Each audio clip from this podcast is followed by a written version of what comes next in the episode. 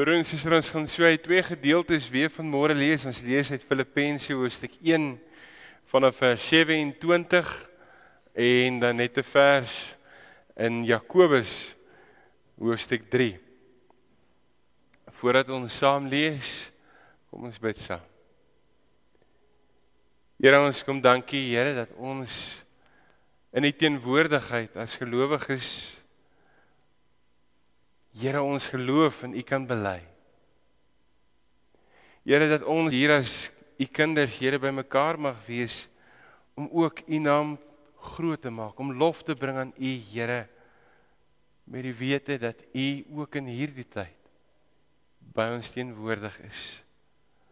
En Here daarom in 'n diepe afhanklikheid kom bid ons en kom vra U Here hier waar ons saam lees breek die woord vir ons oop. Amen. So wat ek gesê het in Filippense hoofstuk 1 vanaf vers 27 Hoofsaak is dat julle lewenswandel in ooreenstemming met die evangelie van Christus moet wees.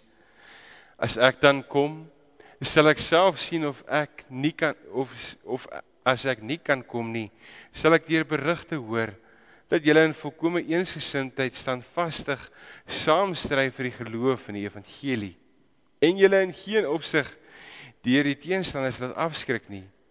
Dit is vir hulle 'n teken van hulle ondergang en van julle redding en dit kom van God.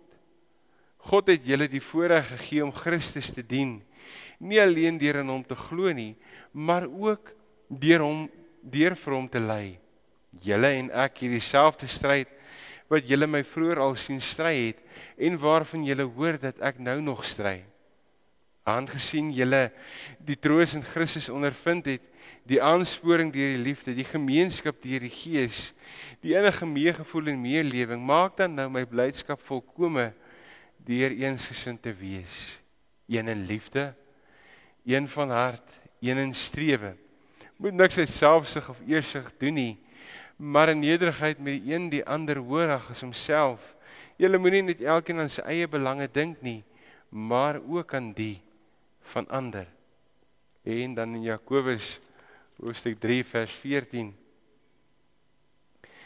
lees ons dan terwyl daar bittere naaiwer en selfsug in julle harte is, moet julle nie daarmee spog dat julle die wysheid het nie, want dan praat julle nie die waarheid nie. Tot sover ons skriflesing van môre. Ons is besig met hierdie 40 dae geleentheid en die tema is vir die groot geleentheid is juis wysheid. Eeue oue wyshede. En hierdie twee tekste korreleer op, op 'n manier met mekaar om te sê maar waarmee is ek en jy besig? Wysheid is 'n gawe van bo en dit speel meer dit het eienskappe wat ons in hierdie wêreld uitleef.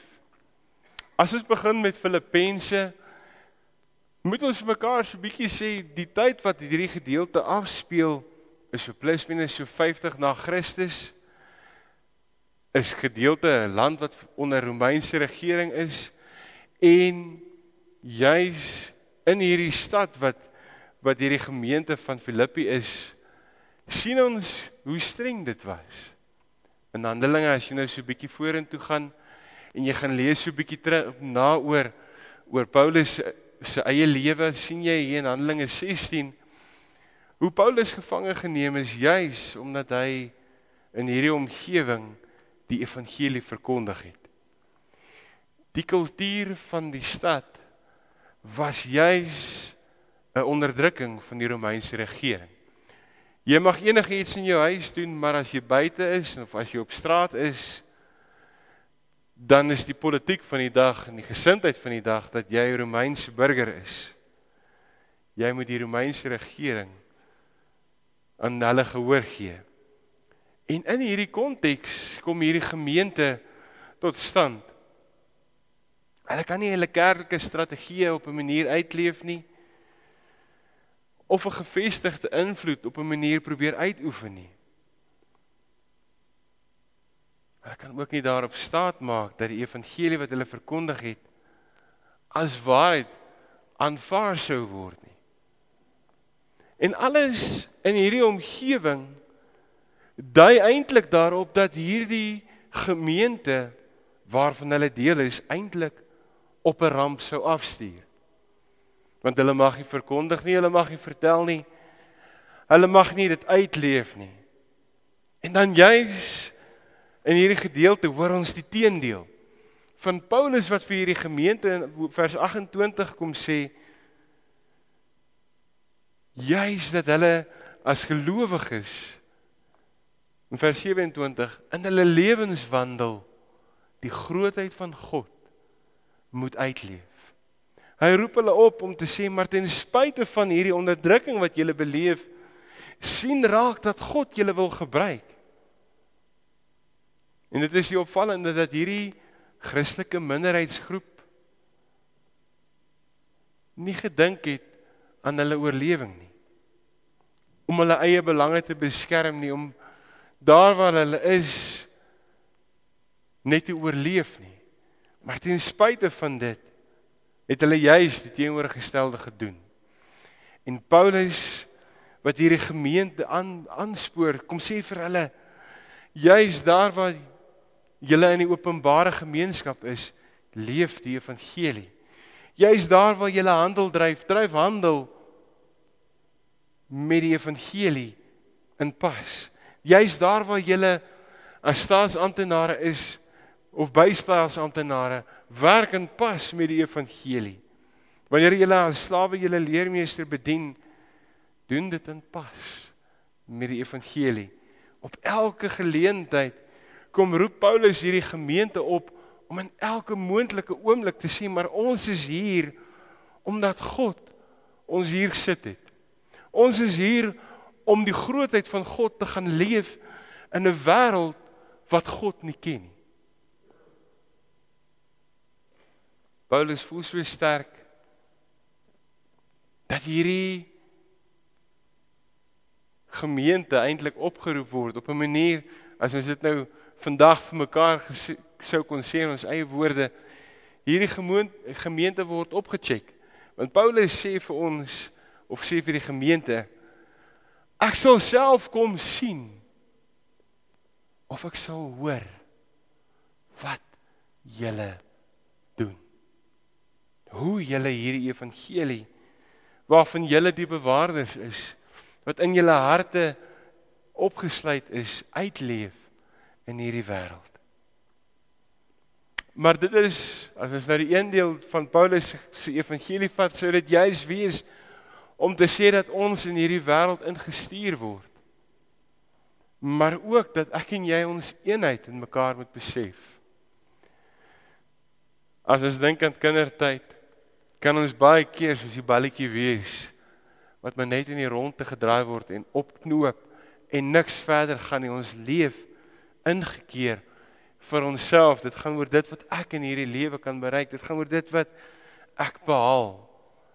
En die mense rondom my sien ek nie raak nie. Ons lees van Paulus waar hy in Efesiërs kom sê maar ons moet 'n lewe leef van eensgesindheid waarin hy waarin hy in Korintiërs kom sê maar julle is daar juis om vir mekaar te ondersteun om vir mekaar te dra. In hierdie gedeelte weer 'n eensgesindheid wat gebou is op drie goed. Of wat drie goed vergestel. Een in liefde een in strewe een van hart En in hierdie drie elemente sien ons die evangelie wat op 'n manier kompak vir hierdie gemeente aangebied is. Waar hy kom sê maar as ons die liefde van God begryp, net die volgende gedeelte van Filippense 5 af wat ons gelees het vir vir oormoediging. sien ons hoe Paulus vir hierdie gemeente kom wys, maar besef wat Christus vir julle gedoen het. Besef die prys wat hy vir julle betaal het. En op grond van die liefde van Christus is ons saamgevoeg. Is ons deel van mekaar. Ten spyte van So kom sê maar ons is daar een van hart. Ons is daar om in ons emosies in harmonie saam te leef. Op 'n manier te sê maar ons deel in mekaar se se seer. Ons die, ons is daar om vir mekaar om te gee. Ons is daar om hoop te bring. Ons is daar om die grootheid van God te leef. En daarom die laaste een wat daarbey aansluit, een in strewe. Om daar waar hulle is, die verskil te maak waarvoor God hulle geroep het. Paulus kom in hierdie twee gedeelte of in hierdie gedeelte in Filippense kom sê hy juis kom roep hy juis die gemeente op om te besef dat hulle daar is in hulle omstandighede met 'n geweldige groot taak. En die gemeente se reaksie is maar ons sal gaan. Want ons weet God is daar. Ons weet God is by ons. In ons eie tyd en ons eie konteks het ons op 'n plek gekom waar ons mekaar moet sê maar hoe waar is die evangelie nog vir my en vir jou?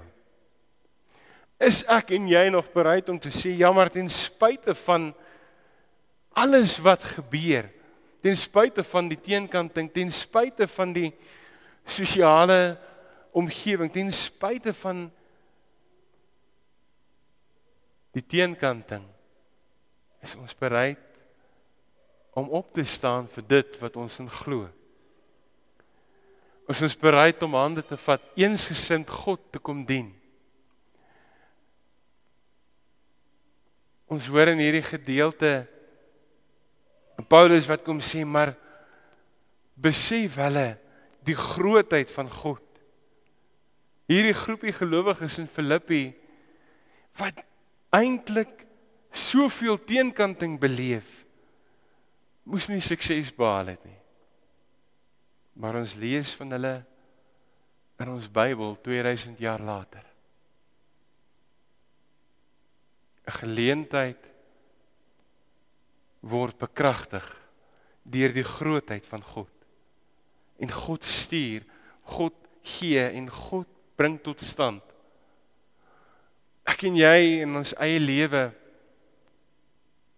kyk so baie keer maklik vas in die omstandighede. Ons kom baie keer op 'n plek waar ons sê maar ons ons leef ingekeer. Die lewe gaan oor my, oor dit wat ek behaal, oor my ego wat net gestreel moet word. Maar hierdie gedeelte kom roep ons op om ons hart oop te maak om te sê Here, ons is hier. As u kerk, as u gemeente om gestuur te word, om 'n verskil te maak. En mag ek en jy broer en suster daar waar ons is op elke oomblik, in elke oomblik, die grootheid van God leef. So ook waar ons 'n kindjie dan vanmôre tot doop bring. Sien ons juis die genade wat die Here vir my en vir jou het. Die liefde wat die Here vir my en vir jou kom gee. Die opdrag wat daarmee saamgaan vir die ouers om erns te maak om vir hulle kinders te leer mag ek en jy broer en suster vir hierdie volgende geslag vertel van die groot God wat ons dien. Mag ek en jy vertel van die genade wat die Here vir my en vir jou het. Mag ons dit uitleef met dit wat ons doen. Kom ons sluit die oë en bid ons saam. Here ons kom dankie Here in hierdie oggend vir u groot genade. Here dat u gemeente in Filippi met soveel teenstand tot stand bring. 'n Gemeente wat volgens wêreldse terme is, wêreldse maat is dit eintlik nie moes maak nie. Maar dankie Here dat ons van hulle kan lees. En ook Here kan hoor hoe U ons as gemeente as gelowiges stuur oproep om 'n lewe te leef van eensgesindheid, een van hart, een in strewe, een gebou op U grootheid en in U liefde. Mag ons dit doen, mag ons dit uitleef elke oomblik. Amen.